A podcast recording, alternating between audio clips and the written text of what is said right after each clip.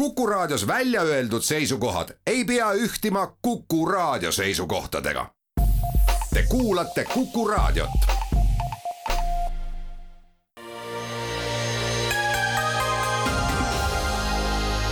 poliitikakuru, kui sina ei tegele poliitikaga, tegeleb poliitika sinuga. poliitikakuru.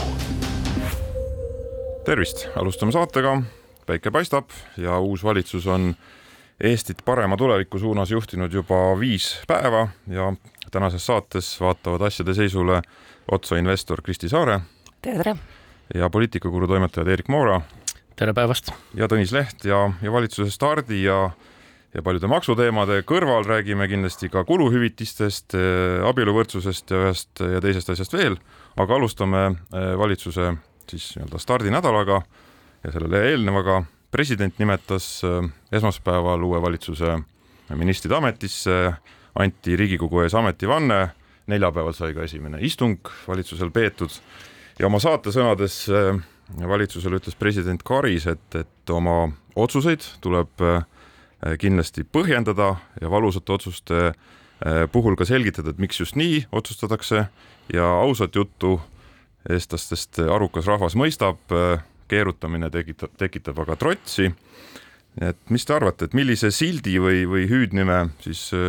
millise sildi või hüüdnime all uus valitsus stardib ja et kas, kas seda maksude teemal valetamise või vassimise templist saadakse,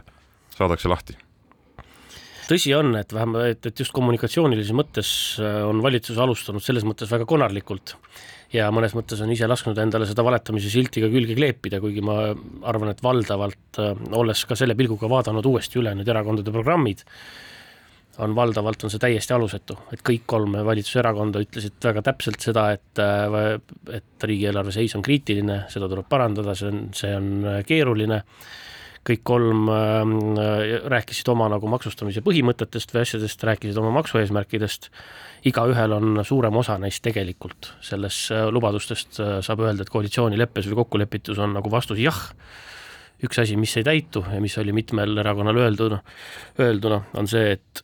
et, et püsikuludeks laenu ei võeta, mida on, olid, ütlesid paljud erakonnad, ka need, kes ei ole praegu valitsuses, mitmed neist ja, ja ja see ei õnnestuks ühelgi valitsusel praeguse selle eelarve seisu juures. nii et, et äh, mõnes mõttes sellest ähm, koalitsioonileppe lõpupäevadel kokku lepitud äh, maksupaketist äh, võimetusest seda tegelikult palju lihtsamini ja selgemini selgitada, on nad võtnud küll jah, sellise nagu suure hoobi sisse, aga vaevalt, et see püsima jääb. ma arvan, et äh, siin on ka nüanss selles, et äh, osad inimesed reageerisid sellele uuele koalitsioonileppele üllatusega, et maksud tõusevad ja selle üle üllatuda, et maksud tõusevad, saavad inimesed, kes viimased neli aastat vist ei ole mitte ühtegi asja lugenud, uurinud, jälginud sellest, et mis meil päriselt Eesti riigis ja Eesti riigi rahalise olukorraga toimub. et see, et maksutõusud tulevad, noh, see oli tegelikult teada. no muidugi poliitiliselt ega alati ükski valitsus tahaks alati ju makse langetada ja inimestele raha tagada oleks väga tore, aga ma ütleks isegi, et äh, tegelikult oleks ju olnud äh, võimalik ka see, et noh, teeme pehmema koalitsioonileppe ja siis noh, kuna meil on tugev hääled koos, siis hakkame jooksvalt mingeid asju tegema. Äh, praegu on võimalus kohe alguses teed selle paugu ära, inimesed ei ole rahul, kahe aasta pärast keegi enam ei mäleta ja selleks hetkeks, kui nelja aasta pärast on valimised, on juba võib-olla juba sellised helged mälestused sellest, et mida valitsus tegi. noh, seda, et ei mäletata, selles ma natuke ka kahtlen, sellepärast et paljud maksud on ju, äh, võtavadki pikka aega ette valmistada, need tuleb täpselt kokku leppida, vaielda, et see maksu teema jääb mitmeks aastaks siin jah, paljud neist ju asjadest, sealhulgas ähm, siis ka see maksuküüru kaotamine ja nii edasi jõustuvad ju alles aastal kaks tuhat kakskümmend viis ja nii edasi, et see aitab seda ikkagi meeles hoida. aga, aga seda, seda pikka perspektiivi äh, tuleb ka siis nagu ise arvesse võtta, et siin ongi vaata palju, ka president mainis seda, et ikkagi nagu mõjuanalüüsid tuleb teha, et ei saa teistmoodi äh, kuidagi ja nii edasi, aga noh, see ongi see, mis meil kõik ees seisab Äh, jah, noh, kui veel korraks seda kommunikatsiooni poolt hinnata, siis äh, sel äh, neljapäeval siis Kaja Kallas ütles, ütles ka valitsuse istungi järel, et sisuliselt ju see käibemaksu ja tulumaksu tõus on riigikaitsemaks ehk meie kaitsekulude katmiseks ja see ongi sel-, seda tüüpi selge põhjendus, äh, mida ongi inimestel nii-öelda sel-, lihtsam mõista ja mida oleks saanud enne valimisi ka rohkem kasutada, seda proovisid kasutada sotsid, seda ujutasid seda riigikaitsemaksu nii-öelda ideed või, või, või pealkirja aga siis tänaste koalitsioonipartnerite poolt muuhulgas ka ikkagi see, see idee sai kiiresti nii-öelda kriitika ja vee peale lastud, et aga see, see on selline nii-öelda kulutust, kulutuste ja maksutõusude põhjenduse eh, noh, nii-öelda selgitus, mis, mis inimestele tegelikult kohale jõuab ja oleks jõudnud, ehkki tõsi, et mulle tundub, et ütleme, käibemaksu tõus jah, selgelt siis riigikaitsemaksuks defineeritava tulumaksu tõusu puhul võib-olla see nüüd nii sada protsenti ühene ei ole, et seal vähemalt esimestel aastatel suuresti läheb see siiski maksuküüru ja ja, ja tulumaksuvaba miinimumi tõstmiseks ja pikemas jooksus aastate pärast siis võiks hakata äh, täiendavat tulu riigieelarvesse tooma, aga, aga no eks need ma hin-, ma nõustun sinuga, Eerik, et tõenäoliselt on see praegu nii-öelda see stardifaasi kommunikatsiooni hädad aga need, need meemid jäävad väga hästi meelde ja tulevad nelja aasta pärast no ja seda ikkagi, kasutusse uuesti ja uuesti. seda ikkagi ka mõned koalitsioonierakonnad ju ka nagu praegu erakordselt nagu võimsalt kogu aeg tambivad ja korrutavad ja korrutavad ja korrutavad just see, et see sinna kinni jääks. see on nende, opositsiooni ma tahtsin öelda, nende valimistaktika see on jah, aga kui tulla tagasi selle juurde jah, et kuidas, kuidas seda äh, oleks pidanud kommunikeerima nii-öelda seda maksutõusude paketti, siis siis noh, olukord oli, tegelikult häda oli nagu selles, et, et see lepiti kokku koalitsiooniläbirääkimiste päris lõpuhetkel, seal oli kogu aeg see tähtaeg seljas, et need erakondade volikogud tulevad, kui pidid nagu koalitsioonileppe ja valitsuse koosseisu juba kinnitama, äh, suur reede surus peale ja, ja tulemus oli see, et ja kõik olid, ma arvan, kohutavalt väsinud nendest pikkadest päevadest ja tulemus oli see, et, et ei suudetud lihtsalt äh, baassõnumeid või muid asju kokku leppida. et mida oleks siis saanud äh, teoreetiliselt öelda, et esiteks seda, et et äh, me teeme tulumaksureformi, mille tulemusel kõik võidavad kõik, no praktiliselt kõik, välja arvatud need, kellel on kaheksa tuhat äh, eurot kuus palk. Te võite isegi aru saada, et neid inimesi Eestis põhimõtteliselt praktiliselt ei ole, et väga üksikud. ja et kõik maksavad vähem äh, ja, ja selle käigus siis tehakse seda, et kaotatakse ära ka hunnik erandeid, mingeid erisoodustusi, igasuguseid muid selliseid asju, mis valdavalt just öö, leevendavad ka seda, et et kõige suurem, need, et leevendavad seda, et kõige suuremat võitu saamas olid inimesed siis seal tuhande mingist sajast kuni seal kahe tuhande mingi sajani või kolme tuhandeni, et just see on ka see grupp, kelle, kes nendest maksueranditest kõige rohkem võitis äh, seni äh, ja et see nagu tasandab seda natuke, pluss veel lisaks tasandab seda ka tulumaksuvaba miinimumi tõus, on ju, ja, ja, ja ka alampalga tõus. et, et, et ühesõnaga see tulumaksureformi Äh, lõpptulemus on see, et, et lihtsalt on nagu asi, äh, maksusüsteem on tõesti nagu ühetaolisem, selgem ja, ja, ja niisugune traditsioonilisem, äh, mis Eestis on olnud. Ja, ja noh, see on ka kindlasti asi, mida, mida vähemalt igal juhul nagu Reformierakond niikuinii ongi lubanud, on ju ma siin olen Eerikuga nõus, et tegelikult kõige suurem ebaõnnestumine ongi see, et olen kuulnud inimesi ütlemas, et maksud tõusevad ja need on tegelikult needsamad inimesed, kes sellest tulumaksureformist ise võidavad, et nad on selles palgavahemikus, kus see täiendav tulumaksuvaba miinimum neid tegelikkuses aitab, et nemad võidavad, aga ikka, et no ei, ei, et maksud tõusevad, kuigi raha numbriliselt nende kontole jääb rohkem raha. jah, ja siin tuleb arvesse võtta ka veel ühte asja, et see jõustub, nagu ma ütlesin, aastal kaks tuhat kakskümmend viis ja Eesti Pank on vähemalt praegu just äsja värskelt ennustanud seda, et ka järgmisel, sellel aastal järgmisel aastal äh, tõuseb Eestis äh, palgatase päris kiiresti, et kümme, üle kümne protsendi sellel aastal ja järgmisel aastal äh, sinna kuue ja kümne protsendi või no viie ja kümne protsendi vahele, kuskil seal üle kuue oli, kui ma õigesti mäletan ja see tähendab ka seda, et neid, kes võidavad sellest äh, tulumaksureformist, on ka oluliselt rohkem või need, kes võidavad rohkem. ehk siis, kui keskmine palk selle arvestuse kohaselt on aastal kaks tuhat kakskümmend viis esimesel jaanuaril on suurusjärgus seal kaks tuhat kolmsada eurot, kaks tuhat kakssada eurot äh, nende kasvuprotsentide järgi, siis siis, äh, siis kõik need inimesed, kes saavad keskmist ja ka tugevalt alla selle, ongi nende suuremate võitjate hulgas vot ja teine, teine selgitus siis see, et käibemaks tõuseb, noh, selle oleks pidanud tõesti paremini spinnima, et me oleksime võinud teha riigikaitse, riigikaitsemaksu, aga pole lihtsalt mõtet uut maksu sõnastada, uut, uut seadust teha ja nii edasi, vaid, vaid kuidas ise oma olemuselt äh, selleks, et neid kulusid katta, selline on. Ja siis on nagu segadusi veel tuleva automaksu ja muude selliste asjadega, millest me räägime ka. Äh, mõnest maksuteemast detailsemalt kindlasti veel räägime, aga on ka selline noh, ütleme poliitiline reitingute ja toetuse reaalsus, Reformierakond on saanud siin ütleme nii, et suure jupi sellest positiivsest aurust, mis neid äh, nii suure valimisvõiduni viis äh, nüüd esimeste nädalatega äh, valimiste järel välja lasta, ehk et kahekümne üheksa, kolmekümne protsendi pealt on kukutud nii Norstati kui Emori küsitlustes ütleme kahekümne kolme, kahekümne nelja protsendi peale ja trajektoor pigem nool, tal on kindlasti potentsiaali veel minna natukene allapoole vähemalt. Ja, ja noh, ma julgeks ennustada, et, et see tagasipõrget kõrgele nivoole kiiresti ei tule, et me pigem näeme, et, et see et taoline nivoo võib mõneks ajaks toetusnivoo püsima jääda. samal ajal me nägime ka koalitsioonis, et kõnelused olid, koalitsioonikõnelused olid väga pingelised, lõpp läks äh, ikkagi üsna teravaks vähe, eriti siis äh, alampalga teemadel, et nii-öelda koalitsiooni kõnelused justkui oma vaidluste mõttes nagu jätkas, jätkusid ka pärast äh, leppe allkirjastamist, et äh, kuidas teile tundub, et millise nii-öelda koostööpotentsiaaliga äh, see koalitsioon alustab, et kas on nagu võbelusi algusest peale? no ma arvan, et üks asi nende reitingute koha pealt on see, et noh, Reformierakond, et valitsemise vastutus, et see on, see on paratamatus, et kui sa võtad need ebapopulaarsed otsused vastu, siis mis sest, et sul on kolm erakonda koalitsioonis, siis noh, peaministri erakond on see, kes, kes saab selle peamise rahva pahameele, et pole midagi teha. Õnneks noh, reitingud kuni järgmiste valimisteni, noh, ta paberile selles suhtes teoreetilised, Reformi jaoks on ju tõenäoliselt olulisem see, et koalitsioonipartnerid on rahul noh, sellega, et see, et see valitsus püsib, see, et rahvas vahepeal võib-olla väga rahul ei ole. noh, see on selline, et ega, ega ta meeldiv ei ole, aga tal ei ole mingit väga suurt praktilist mõju sellele, et mida valitsus ju tegelikkuses teeb. Ja jah, ja see reitingute äh,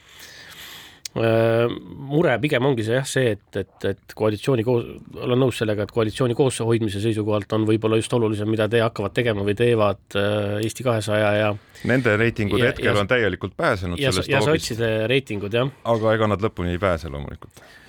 nojah, just, aga no selle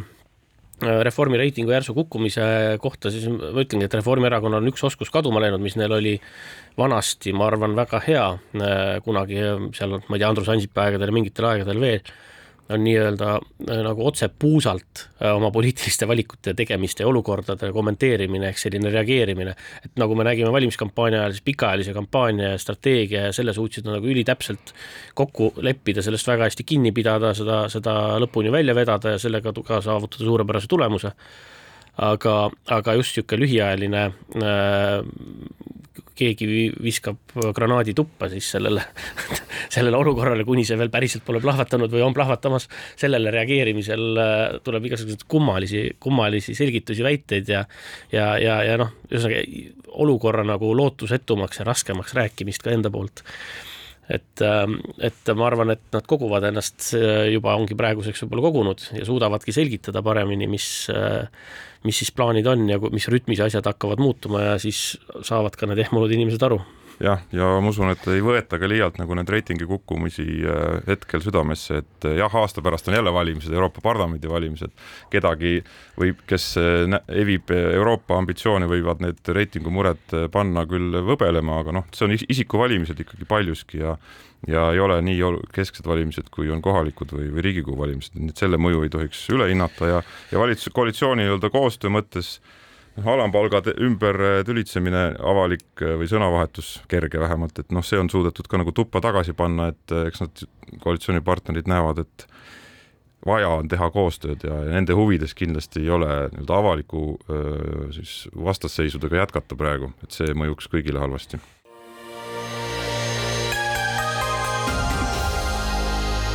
poliitikakuru, kui sina ei tegele poliitikaga, tegeleb poliitika sinuga. poliitikakuru.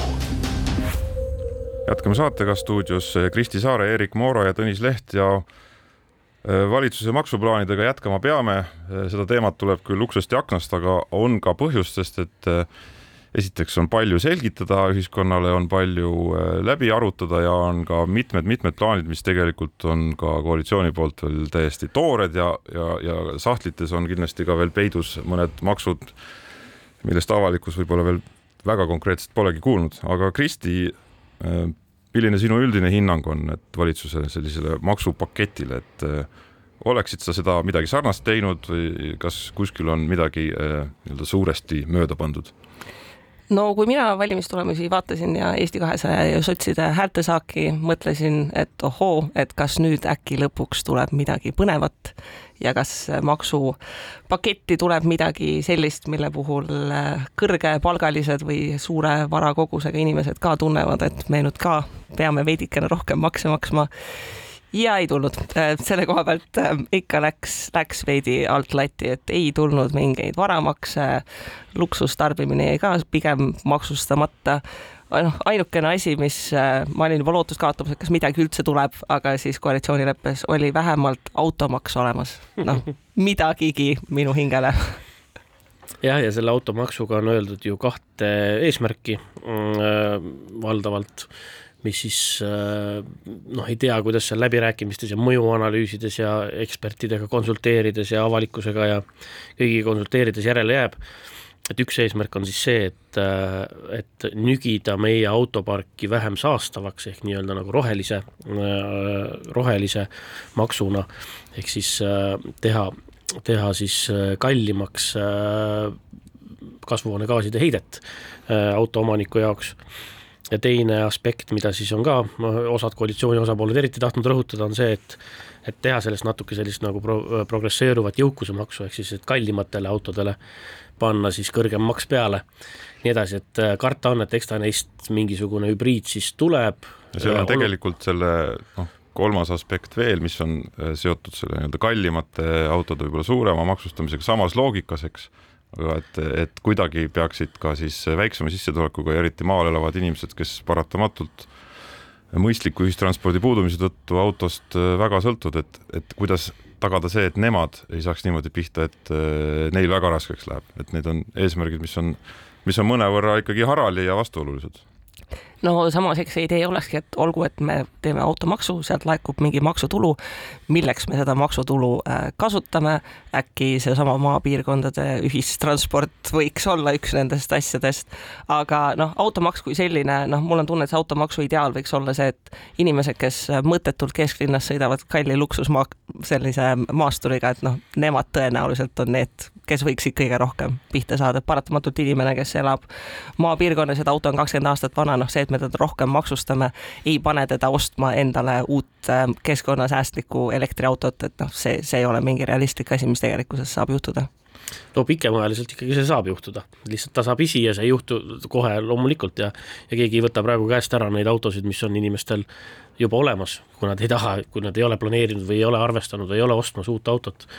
aga, aga, aga pikemaajaliselt äh, siin ongi see, et väga paljud äh, väga paljud inimesed kuidagi neid makse nagu hinnates ja nende mõju hinnates ja rääkides ja nii edasi, on hästi tänases päevas kinni või tänases olukorras, mõtlemata sellele, kui kiiresti praegu autoturul ja automaailmas asjad muutuvad, et, et näiteks noh, esiteks on juba praegu, on elektriautoga sõita tegelikult pikemaajaliselt äh, odavam, et osta uus, kui räägime uute autode ostmisest, osta uus elektriauto, mis on palju kallim kui äh, sisepõlemismootoriga auto, aga kui sa juba mõned aastad temaga sõidad, siis on, oled sa maksnud kokku vähem kui sisepõlemismootoriga põlemismootoriga pidevalt seda bensiini või diislit ostes.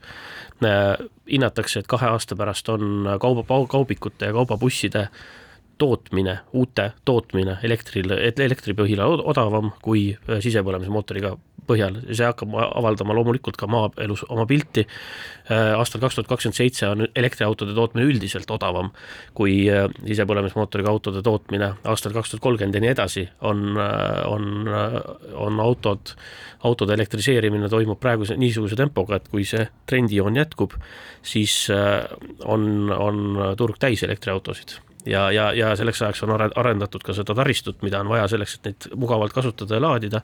ja nii edasi, et, et, et küll see muutus tuleb ja tekivad ka teise ringi elektriautod, mida saab odavamalt siis osta ja nii edasi ja no me oleme natuke irooniliselt siin märkinud seda, eks ju, ekspertanalüüsi ja mõjuanalüüsi, et noh, automaksu puhul on ju see, et teda annab ka väga erinevalt rakendada. et see, et kas me rakendame teda auto soetamisel, registreerimisel või ta on mingi selline jooksev iga-aastane maks ja mis see valem seal taga on, et tegelikult seda süsteemi saab teha väga-väga lihtsalt ja ka, ja ka väga keeruliselt ja see eeldab päris põhjalikku analüüsi, et kuna minu arust automaksu rakendamine oli vist juba järgmiseks suveks plaanis, siis tuleb päris kiiresti tööd hakata tegema, et see plaan välja mõelda, et kes, kes kui palju siis maksab ja jõuab keegi midagi arvata ka enne, kui ta juba paberile valatakse. kindlasti jah, ja no minu soovitus nagu valitsusele selles osas olekski, et et ühesõnaga, kui tehakse kõik need tasa, täiendused, aspektid, mis, millest me siin praegu räägimegi, sisse pannakse sinna ja tehakse need tasandussüsteemid ja kõik need muud asjad ka, siis see maks sellisel kujul, siis ta jääbki rohkem selliseks raha kogumise vahendiks ainult äh, riigieelarvesse. et, et mõnes mõttes sõnumi selguse huvides oleks äh, muidugi parem, kui ta oleks äh, sirgjoonelisem. näiteks selles mõttes mina pooldaks, et ta oleks rohkem kallutatud just sinna nagu saaste ja heitmete suunas, sõltumata sellest, kas auto on uus, vana või mis iganes ta poliitiliselt on, on seda aspekti kõige raskem teha, sest et väiksema sissetulekuga ja, ja maa, maainimesed sellest kõige rohkem siis pihta saavad ja ja, ja ka koalitsioonis on noh, eeskätt sotsid, kes, kes selle pärast kõige rohkem äh, muretsema peavad ja ja loomulikult annab oma su väga suure panuse opositsioon, et äh, igasugust äh, seda nii-öelda plaani väga tugevalt kritiseerida ja sinna auke sisse lasta, et mida on, ma usun, ka üsna noh, opositsiooni vaatevinklist ka lihtne teha, aga aga võib-olla esimene küsimus, millele peaks vastama avalikkuse silmis, on see, et, et meil ju kütuseaktsiis juba on, mis sisuliselt ju täidab ikkagi sarnaseid eesmärke, et mida rohkem kütust ostad ja läbi põletad, et seda rohkem saastad ja seda rohkem ka ju lõppkokkuvõttes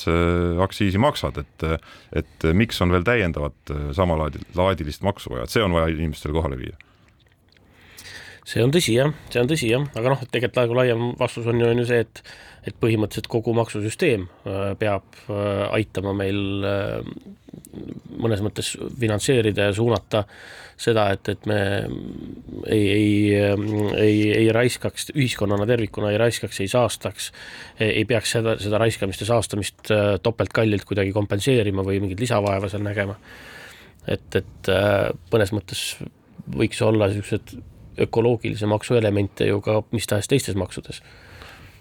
tead, noh, see slogan võiks ikkagi olla, et ähm, autot tegelikult ei ole alati tingimata vaja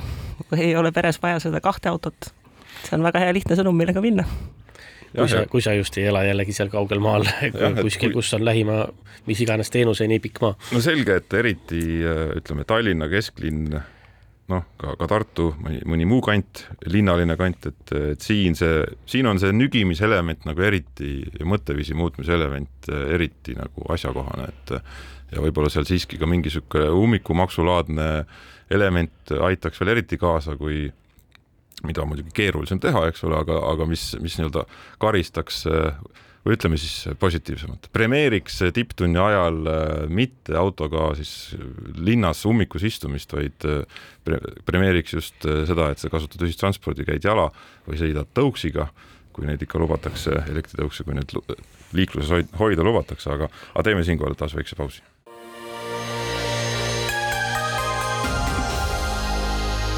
poliitikakuru, kui sina ei tegele poliitikaga, tegeleb poliitika sinuga. poliitikakuru. ja jätkame saatega stuudios Kristi Saare, Erik Mooro ja Tõnis Leht ja maksutõusude kõrval äh, läheb uus valitsus ka küllalt äh, hoogsalt erinevate soodustuste ja, ja, ja, ja erandite ja toetuste kallale. koalitsioonileppe plaan vähendada siis äh, eelmises valitsuses värskelt Isamaa äh, juhtimisel äh, vastu võetud äh, ja väga heldet suurte perede toetuste skeemi, see on juba jõudnud eelnõu vormi ehk et töö on sellega olnud kiire. Ja sisuliselt tähendab see, et siis kolme ja enama lapsega perede toetus siis väheneb võrreldes selle reformiga siis kahesaja euro võrra ja, ja ka indekseerimine, nende suurperede toetuste indekseerimine tühistatakse aga samal ajal on meil ka, on meil ka aruteluruumis esil statistika, et vi, just viimastel kuudel, päris mitmel kuul on, on olnud ka sündimus rekordiliselt madal, et ja kuidas teile tundub, et kas see äsja, alles äsja tegelikult tõstetud ja määratud toetuste äravõtmine on see õige samm? no poliitiliselt, no ega ta ei ole hea samm lihtsalt selle koha pealt, et oleks see toetuste muutmine nii, et praeguses koalitsioonis ei ole ühtki erakonda, kes need toetused vastu võttis eelmises valitsuses, aga äh, kahjuks nagu, nagu nii ei ole. noh, see, see oli teada, et see tuleb, noh, see ebaõiglustunne ühiskonnas, et ma arvan, et keegi väga sellele vastu ei protesti, et seda suurperede toetust natuke langetatakse. ma arvan, et see üllatus tuli pigem sellest, et samal ajal see laste pealt tulev täiendav tulumaksuvabastus, äh, et selle äravõtmine on ka laual. et see, et noh, mitu asja korraga ja selle täiendava tulumaksuvabastuse äravõtmisest minust kuidagi enne valimisi see idee suutis mööda minna, et ma ei mäleta, et keegi oleks seda välja toonud. Äh, et oleks nad ainult ühte asja teinud, siis oleks võib-olla, et noh, okei okay,, oli teada, et tuleb, see, et tehti kahte asja korraga, see võib-olla on natukene küsitav. Jah, no sinu küsimusele, see, et kas oli nüüd õige asi teha, äh, vastaks, äh, alustaks natukene kaugemalt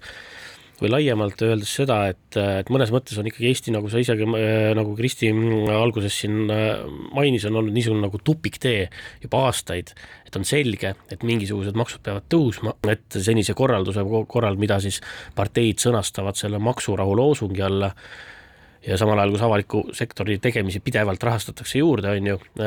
et, et tegelikult maksukoormus aasta-aastalt kogu aeg kiiresti vähenes. ja, ja, ja et see ei olnud enam nagu absoluutselt jätkusuutlik, see paistis ammu, seda rääkisid väga paljud, igast suunast seda juttu räägiti, kes vähegi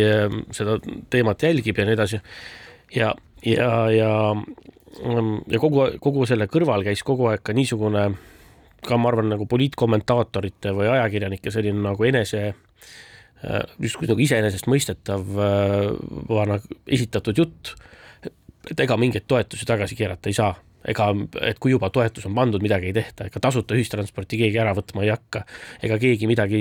sellist või teistsugust ei tee kuskilt ja nii edasi. Äh, et see, et, et seda otsust tulebki nagu pigem hinnata, üldse neid ka maksuotsuseid ja neid muid asju tuleb hinnata selles kontekstis, et mõnes mõttes äh, äh, nüüd seda päris, päris palju aastaid olnud sellist nagu mitte kuhugi viivat või sisuliselt need otsu-, see, see, see nagu jutt on olnud selline nagu mittevalitsemise jutt, et jumala eest, et tegelikult nagu päriselt valitseda, päriselt otsustada, päriselt midagi muuta polegi võimalik, et ainuke võimalik muutus justkui nagu oleks see, et keegi saab hästi palju raha juurde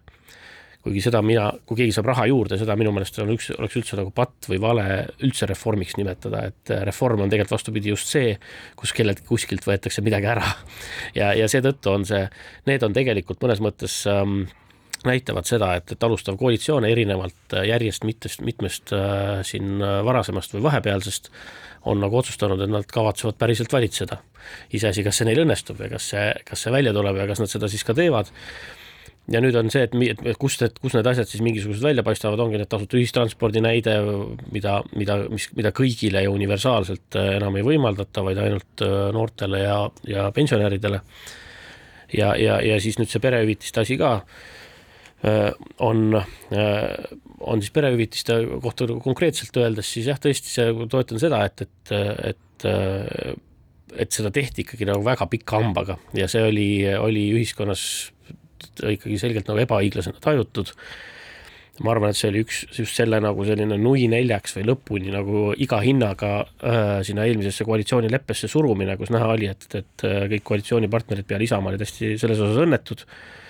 äh,. noh, oli ka üks põhjus, miks Isamaa äh, häältesaak nii vilets jäi äh, lõppkokkuvõttes äh, nii-öelda nagu selline äh, kau-, noh, mõnes mõttes nagu äärmusesse minek või selle ebaõigluse kuidagi väga kaugele arendamine,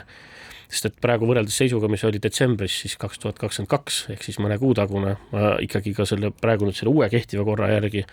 tõuseb ju see kolme, kolmandast lapsest alates see äh, kolmesajalt eurolt äh, neljasaja viiekümnele nüüd ja on ju siis nelja ja, ja seitsmes, seitset või enamat last kasvatavas peres juba siis neljasaja äh, pealt siis vist on siis kuuesaja viiekümneni on ju, ja nii edasi, et ta ikkagi igal juhul tõuseb, see, see peretoetus. Ja, ja et see vahepealne faas tagasi keerati, seda tegelikult ikkagi ka parteid ütlesid, et nad teevad, on ju. Ma arvan, et siin on ka see mõtteviisi koht, et mis, mis on riigi roll. et riigi roll oleks juhtida riiki nii, et inimestel on seal võimalik elada oma elu nii, et see oleks üles ehitatud toetustele et praegu on väga tugev olnud see argument, et äh, mitme, noh, mitmelapseliste perede puhul see, see peremudel eelarveliselt saab justkui toimida ainult nii, kui riik maksab sellele väga suurelt peale ja noh, see ei ole tingimata ju nii, et seal on äh, kindlasti mingeid muid asju, mida annaks teha, et, et see mudel oleks rakendatav. sest noh, ma arvan, et inimesena on ka väga selline riskantne äh, plaanida oma elu niimoodi, et mul kõik toimib ainult siis, kui riik mulle nii palju toetust maksab. et see on selline väga-väga ohtlik mõtteviis ja noh, praegu see toetuste veidikene langetamine tõi ka päris palju pahameelt ja noh, kui lugesid kommentaare, et inimesed olid, aga mul oli juba planeeritud see raha ette ära kulutada, et noh see on lihtsalt selline halb praktika. nördimus äh, nendel puhul, kes juba eeldasid seda toetust, see on täiesti arusaadav ja inimlik ja nii, nii peabki olema, aga see iseenesest, et see järsk tagasikeeramine toimub osaliselt, see, seda kuidagi hea, see ei ole hea, aga noh, viga tehti ikkagi sellise vildaka ja ja, ja noh, ütleme pisut ebaõiglase süsteemi kehtestamisega, et see oli nagu suurem, suurem probleem selle, selle asja juures ja kas sellel on nagu mingi väga otsene mõju iibele, siis kriitikud äh, kindlasti seda praegu välja toovad, et, et meie sündimus on niikuinii madalseisus ja see kuidagi kasuks ei tule, noh, ma olen nõus, et selline ka toetuste teemal äh, võbelemine edasi-tagasi, ebakindlus, mida valitsus nii-öelda lubab ja mida ta siis tagasi võtab, selles osas see kindlasti kasuks ei tule, jah, kindlustunde loomisel peredele ja perede jaoks, aga, aga noh, see on siiski üks aspekt väga paljudest, mis seda laste saamise otsust, nii-öelda seda keskkonda mõjutavad, et seal on ikkagi terve rida asju, mis on ka uuringute põhjalt noh, mis on siiski olulisema mõjuga kui vahetult see ta äh, lastetoetuse teema, et et olgu see last, lasteaiakohad, olgu see see, kuidas emad äh, saavad laps, laste kõrvalt võimalikult sujuvalt ja mugavalt tööle naasta ja nii edasi, et need ja kui, kuivõrd üldse ühiskonnas lapsed on oodatud ja kas keegi kusagil nii-öelda Isamaa äh, erakonna sellises võtmes äh, vanemate härrasmeeste ja, ja mõningate daamide suu läbi siis nõudlikult äh, räägivad sellest, kuidas meie rahvuskehandit tuleb hoida ja iivet tuleb tõsta, et siis noh, selline retoorika ja suhtumine pigem võib ka nagu mõjuda tõrjuvalt, et, et see, ühesõnaga see pilt on palju laiem, aga ega kasuks see muidugi ei tulnud see edasi-tagasi võbelemine ja,. jah, jah, aga mm, eks ta nende toetuste või rahaliste toetuste osas ikkagi tuleb ka mõnes mõttes me peame endale aru andma olukorras, kus meie maksukoormus on tegelikult väga väike, on ikkagi see, et Eesti just need nagu sünniga, laste sünniga, väikelaste hoidmisega ja, ja, ja kasvatamisega äh, seotud äh, toetused äh, nii-öelda elatustaseme kohta on maailma tipus. Maailma absoluutses tipus, ilma et me ise päris nii kõrgel tipus seal oleksime et, et küsimus ilmselgelt ei ole tegelikult nagu raha vähesuses või rohkuses. Ja selles osas, kellel on võimalik ja juurdepääs,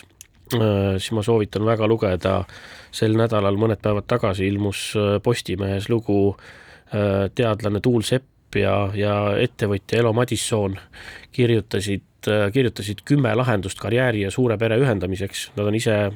kõik mõlemad, nagu ma aru sain, paljulapselised emad Äh, ja, ja, ja, ja kirjutasid nendest asjadest, mida tegelikult vaja oleks, et, et äh, lapsi julgetakse ja soovitaks saada. Ja nendest ähm, no ükski polnud otseselt äh, toetuse ja raha lunimine või isegi polnudki üldse, vaid just oli vastupidi see, et kuidas olemasolevaid toetusi muuta paindlikumaks, kuidas tekitada see, et, et sa ei kaotaks aega ka oma karjäärist siis, kui laps sünnib et sa saaksid edasi tegeleda eneseteostuse ja kõige muuga, et oleksid äh, paindlikud lastehoiuvõimalused ja nii edasi. ja, ja see on see ka, kuhu siis äh, see raskuspunkt peaks minema, kui päriselt tahta iibe probleemi lahendada ja mitte teha selliseid nagu märgilisi poliitilisi ähm, selliseid poliitilisi nagu kuidagi oma ausambaid püstitada iseendale, et me oleme nüüd pannud, ma ei tea, tuhat või me oleme andnud kaks tuhat teile või kolm tuhat, et niisugust isiklikku personaalset tänulikkust äh, perekondadele tekitada, see on nagu noh, see on niisugune poliitiline taidlus. aga teeme siinkohal väikse pausi.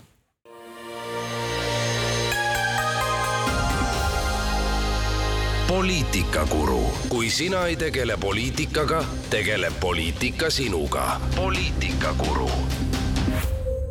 oleme eetris tagasi stuudios Erik Moora, Kristi Saare ja Tõnis Leht ja perekonnateemadega jätkame. täpsemalt siis äh, perekonna mõiste teemadega koalitsioonikõnelustel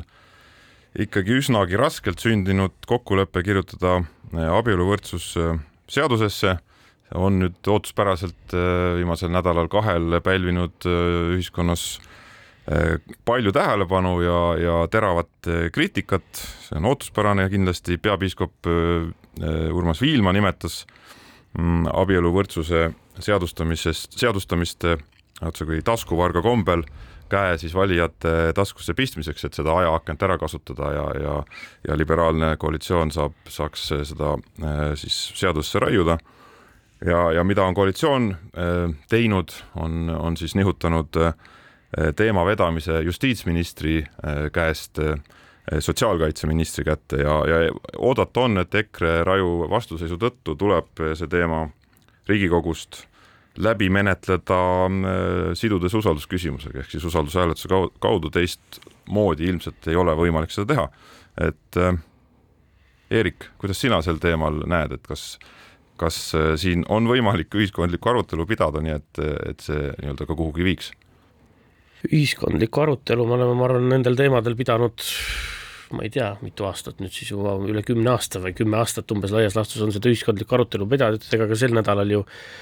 väga mingeid uusi argumente äh, toodud ei ole. ja see on äh, noh, ilmselt on see ka tegelikult teema, kus selles ühiskondlikus arutelus nagu mingisugune selline tõde või kompromiss ei selgu, et hästi palju on selliseid teemasid, kus, äh, kus on osapooltel on on äh, eri seisukohad, nad väga jõuliselt ja, ja, ja aktiivselt neid kaitsevad ja, ja, ja nii edasi, et seal ei olegi lihtsalt, ega siis lõppkokkuvõttes pole siis teist varianti, kui tulebki teha poliitiline hääletus ja otsustada, et kuidas, kuidas need asjad olema hakkavad või ei hakka. ja, ja selles osas äh, selles osas noh, ma arvan, et see on ka niisugune teema, lihtsalt küsimus on jah see, et kas kas ja kuidas on võimalik seda suruda või teha seda näiteks ka sel viisil, et see ei oleks äh, siis selle mm, usaldusküsimusega seotud, siis ma ise ka ei pea seda realistlikuks, et see nii läheb, et ma arvan, et siit tuleb väga pika, pikaajalist ja, ja agressiivset kogu riiki, kogu töö blokaadi tõenäoliselt ennekõike siis EKRE, EKRE juhtimisel aga, aga noh, iseenesest sellest muidugi oleks kahju, et, et, et ka Riigikogus, kui seda kasvõi seda seadust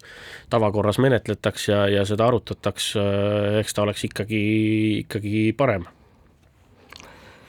noh, äh, meeldetuletuseks Eestis on meil valitsemine, riik ja kirik on üksteisest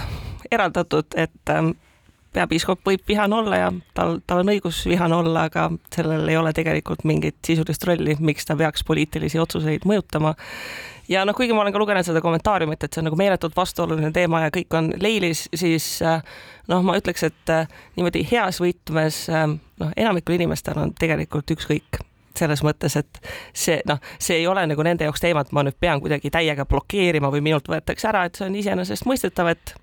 anname inimestel olla võimaluse perekond ka seaduse silmis, nad on, nad on perekond niikuinii. Ähm, ja noh, ma arvan, et koalitsioonierakonnad saavad ka selle aru, et äh, noh, nende, nende valijad äh, ikkagi eeldavad ja ootavad, et see tehakse ära. samamoodi see, et EKRE hakkab blokeerima, noh, kas keegi on selle üle üllatunud, tõenäosus, et sealt tuleb mõni adekvaatne ähm, argument ähm,, noh, on nullilähedane jah, ja selle, sellise nagu õigustavisse või sellisesse võitlusesse ma arvan ka, et ei olegi nagu põhjust või väga vaja ka minna, sellepärast et et, et põhimõtteliselt tegelikult äh, ka valitsuskoalitsiooni seisukohast tegelikult mõnes mõttes nad peaksid rõhutama seda,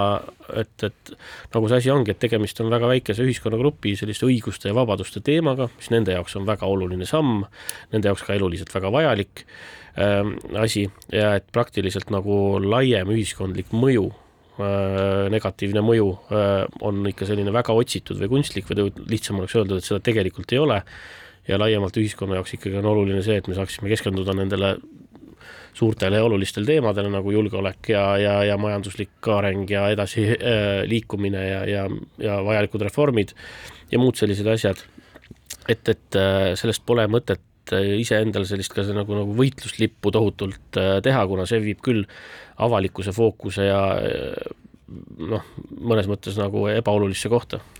jah, no samas ei peaks ka võib-olla ütleme, Reformierakond äh,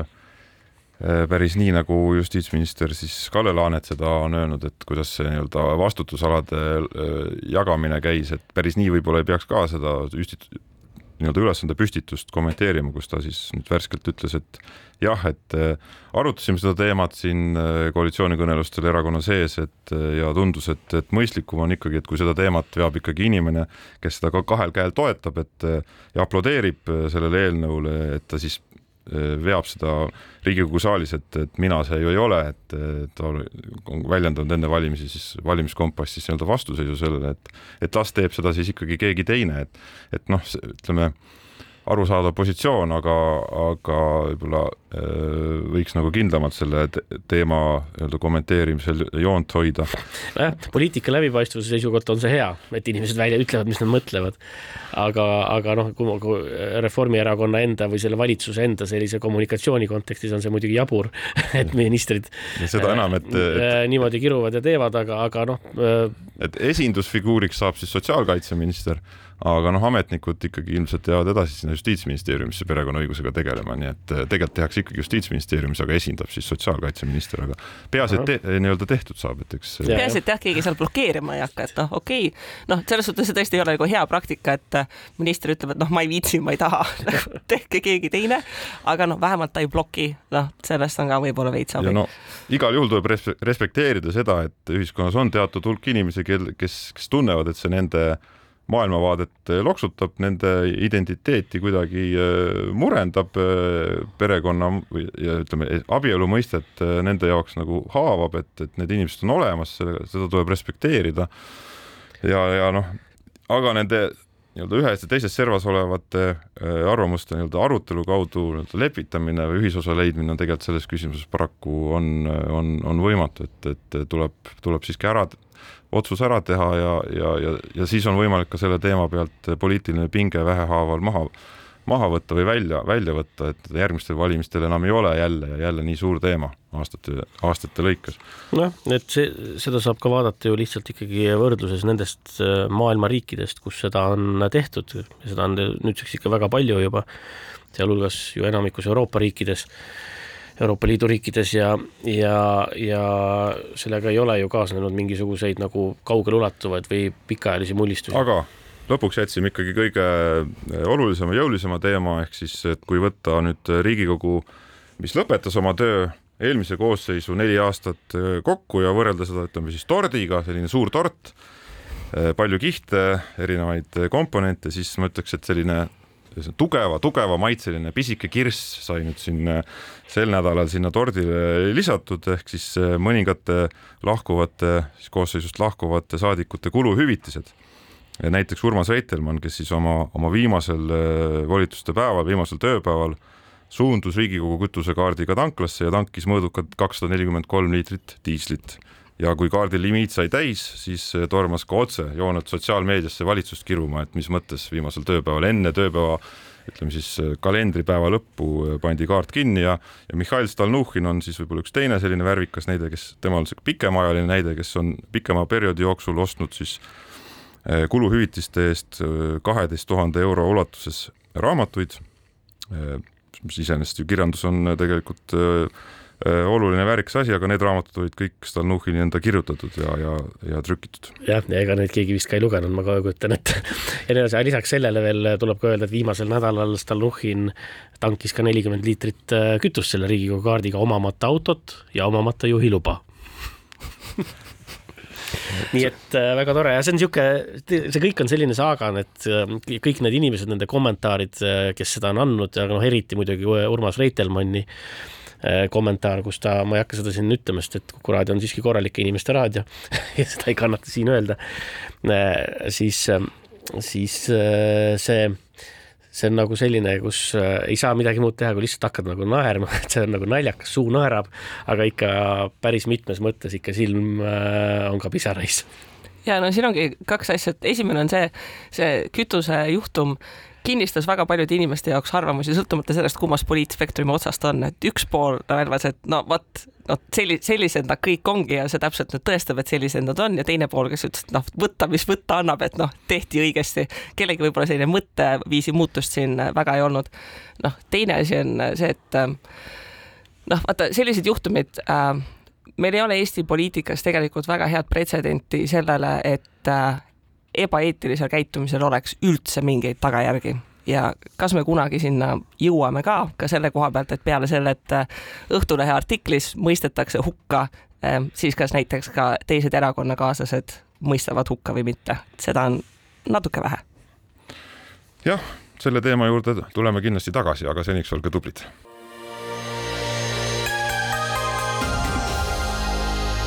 poliitikakuru, kui sina ei tegele poliitikaga, tegeleb poliitika sinuga. poliitikakuru